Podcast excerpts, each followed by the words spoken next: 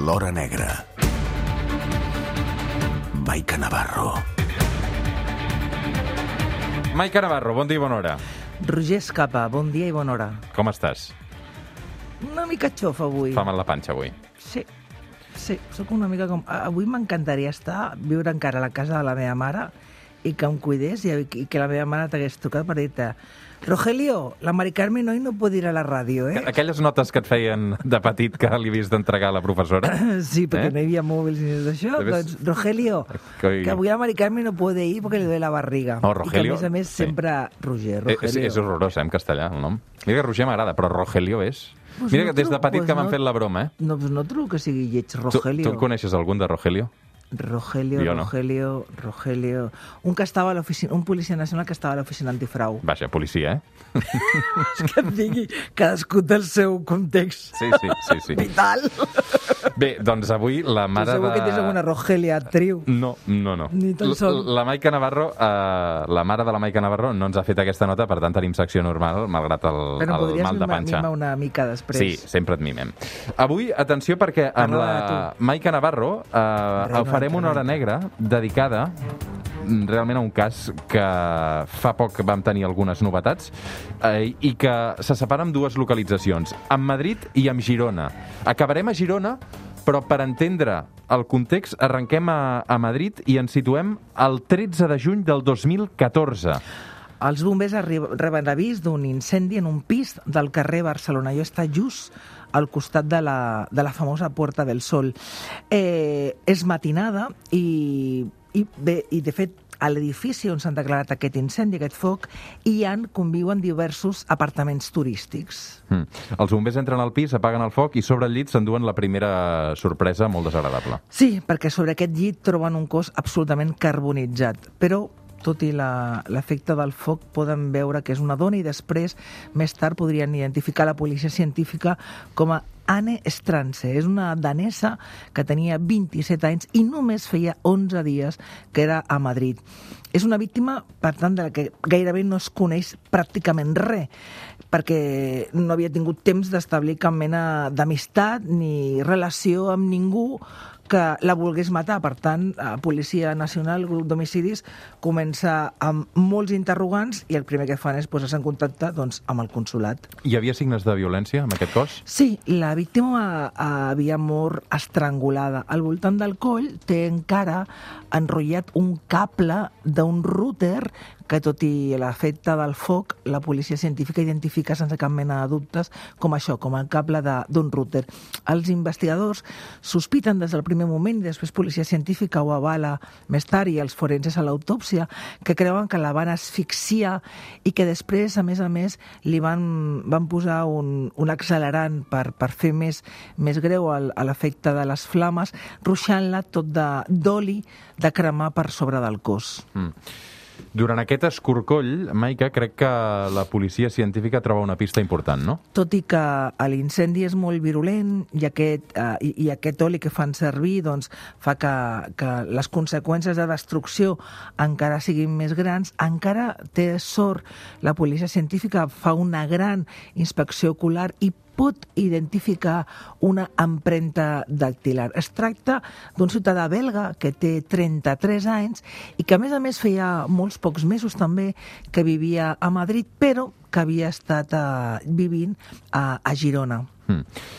Per tant, detecta aquesta ciutadà belga, ho posen en el centre de dades i apareix un nom. Dave Sí. Berbis. Sí. Dave Berbis, 33 anys i belga. Clar, i, clar, i tot i que portava pocs dies a Madrid i havia tingut aquest pas per Girona, el fet de que quan la policia científica eh, agafa aquesta empremta i la fica en aquests ordinadors on comencen a fer jo una un cotejo, no sé com es diu, a, a, A comparar. A, comparar, quan fan la comparació amb totes les dades que tenen de sospitosos dins d'aquest ordinador, surt una coincidència sense cap mena de dubtes. Per què? Perquè estava el que se'n diu col·loquialment fitxat. El 7 de maig d'aquell 2014 havien detingut el Dave per haver agredit també a una dona que cubana que vivia en un bloc de pisos davant del seu. Segons va explicar la dona després, en Davy la va agafar per sorpresa. Li va clavar cops de puny a tot el cos i va intentar estrangular-la.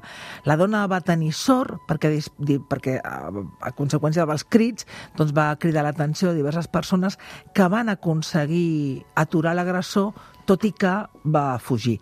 I és per tant que aquell David Bersbis tenia aquest antecedent eh, per haver violentat a, a una dona. Per tant, Maica Navarro, fem balanç. Tenim una dona morta en un pis cremat, amb violència, un sospitós, aquest uh, Dave Berbis, i una dona a qui en Dave havia agredit un mes enrere. Però Sí. sí. encara tenim un gir més. Continuem a Madrid, eh? Perquè Sí. en Dave eh, crec que anava No. de bars. Sí, i, i, bueno, i és important destacar, abans d'aquesta part de que anés de bar, és que en aquell moment, tot i la impremta, la impremta que localitza la policia científica, no se'l deté. Per què? No se'l deté perquè es dona la circumstància de que el Dave eh, treballava, treballa a l'empresa propietària d'aquells pisos que es lloguen a estrangers. Hem de recordar que allò era un edifici ple de pisos turístics. Les, per tant, la, la policia, tot i que sospita d'ell per aquest antecedent violent, no pot demostrar res. A més, la propietària de l'empresa eh, de lloguer de pisos és la nòvia del Dave, una tal Laia, eh, que en aquell moment era, era a Barcelona. Mm. Per tant, per tant, uh, continuem a Madrid, malgrat aquest context Sí, que ens has posat, sí. i expliquem que el Dave, Sí. perquè aquí hi haurà una pista també molt important Sí. per la investigació policial, anava de bars. I un Sí. dia, en un bar fent cerveses, no? Se li escalfa la boca. Sí, ell doncs, fe, té una vida doncs, mm, de nit, allò... Bueno, para por per casa, para poc per casa, podríem dir. I hi ha un bar especial on ell va sovint i on ha fet una mena de colla de, de col·legues, d'amics, i alguna vegada doncs, els havia explicat que havia fugit de Bèlgica. I, de fet, diverses vegades, doncs això, explica que havia marxat del país on tenia una dona i un fill de 10 anys i que l'havien acusat en el seu país d'origen de diverses agressions sexuals. També els hi va explicar que un temps enrere havia matat a un home a Tenerife tot i que no va donar detalls. El, els companys del bar al principi no se l'acabaven de creure. Pensava que, pensaven que, bueno, que se l'havia calentat la boca i que era tot fantasies i tonteries.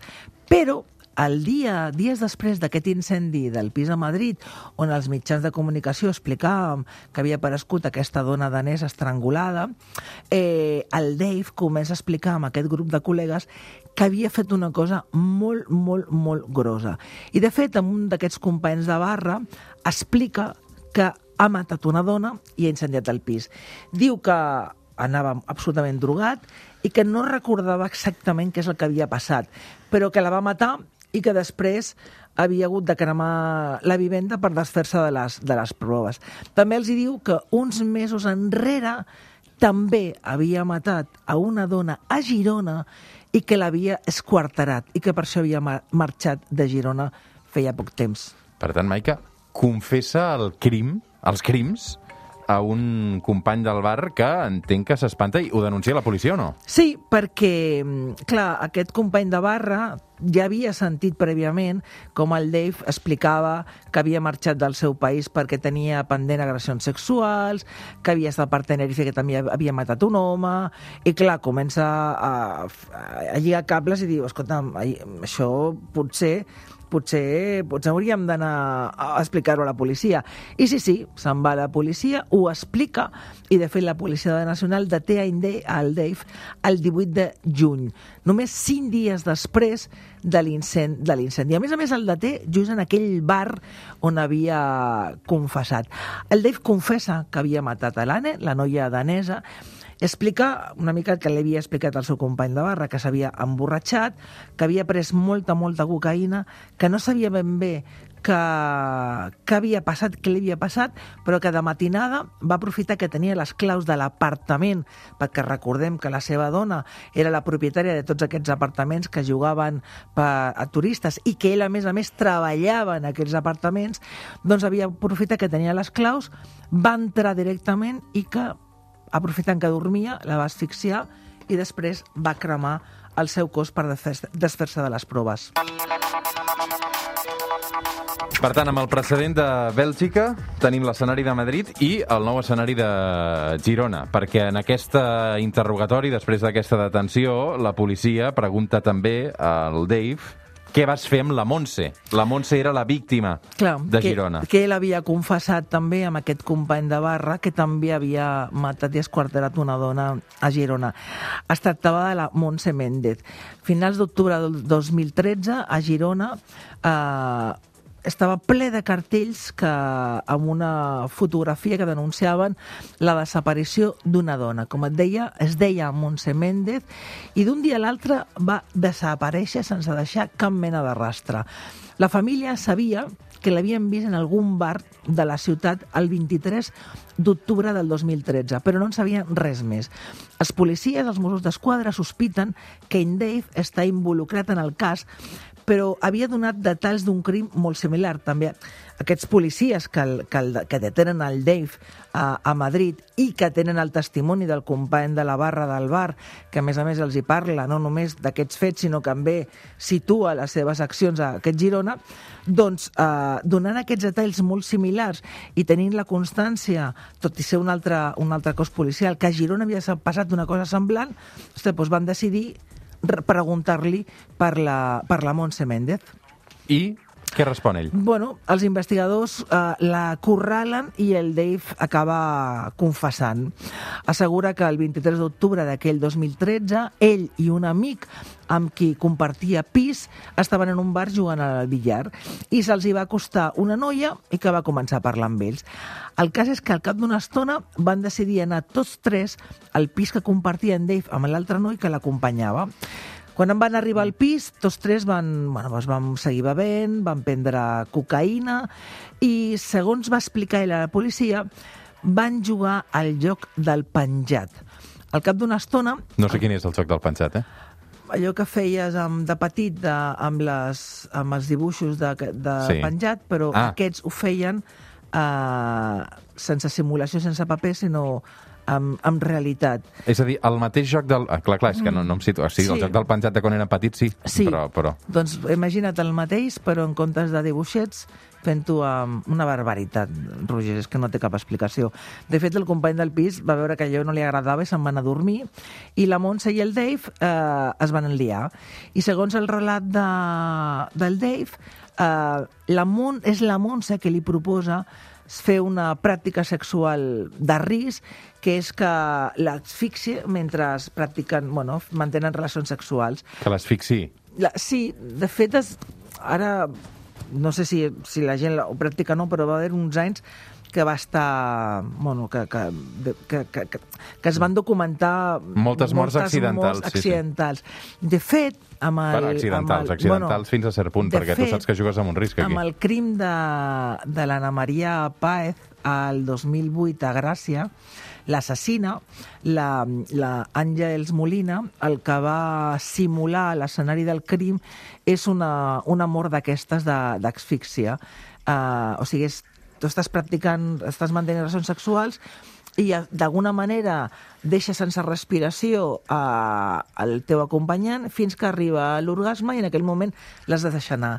I explicaven, no? hi havia, una, hi havia molta literatura dient que d'aquesta manera es multiplicava per molt eh, doncs, El plaer, la sensació el de plaer. La sensació de plaer, però vaja. Sí, sí. En fi, també hi ha gent que... De fet, va haver-hi un actor molt conegut, aquest que feia... Hi ha hagut casos, eh, de gent que s'ha mort així, coneguts. que feia sí, sí. arts marcials, el David Carradine, que el que ho va fer és el mateix, però practicant-se i fent-se ell mateix una mas- Masturbació, sí, sí. masturbant-se i es va penjar i, i bueno, no ho va mesurar i es va, i es va penjar. Doncs bé, ell va assegurar que, que, que no es va adonar i quan es va, bueno, com, quan va reaccionar es va donar compte que la Montse l'havia havia, que havia matat a la Montse. I eh, quan es va donar que l'havia matat, segons ells, va alertar el seu company de pis, que s'havia anat a dormir, i li va demanar que truqués a la policia. Segons ells, el company de pis li va dir que, que no ho fes, que, que ningú s'ho creuria, i que es menjarien un marrón i que, per tant, eh, va ser el que, sabia, el que havia fer era desfer-se del cadàver. El David va decidir tallar, desquarterar el cos de la Montse a trossos i per fer-ho va col·locar el cos de la dona a la banyera d'aquest pis que compartia i la va anar tallant amb un matxet que s'havia comprat prèviament per internet. I mentrestant, doncs, el company de pis estava molt tranquil al menjador mirant dibuixos animats. Estic al·lucinant. Sí, eh, tot i així, la, la policia sempre va quedar amb el dubte de que, de que l'amor no, no va ser en aquestes circumstàncies pactades, com va intentar relatar el Dave, d'unes unes relacions Una pràctica sexuals sexual consentida per asfíxia. sinó que va ser realment un una amor violació. violenta.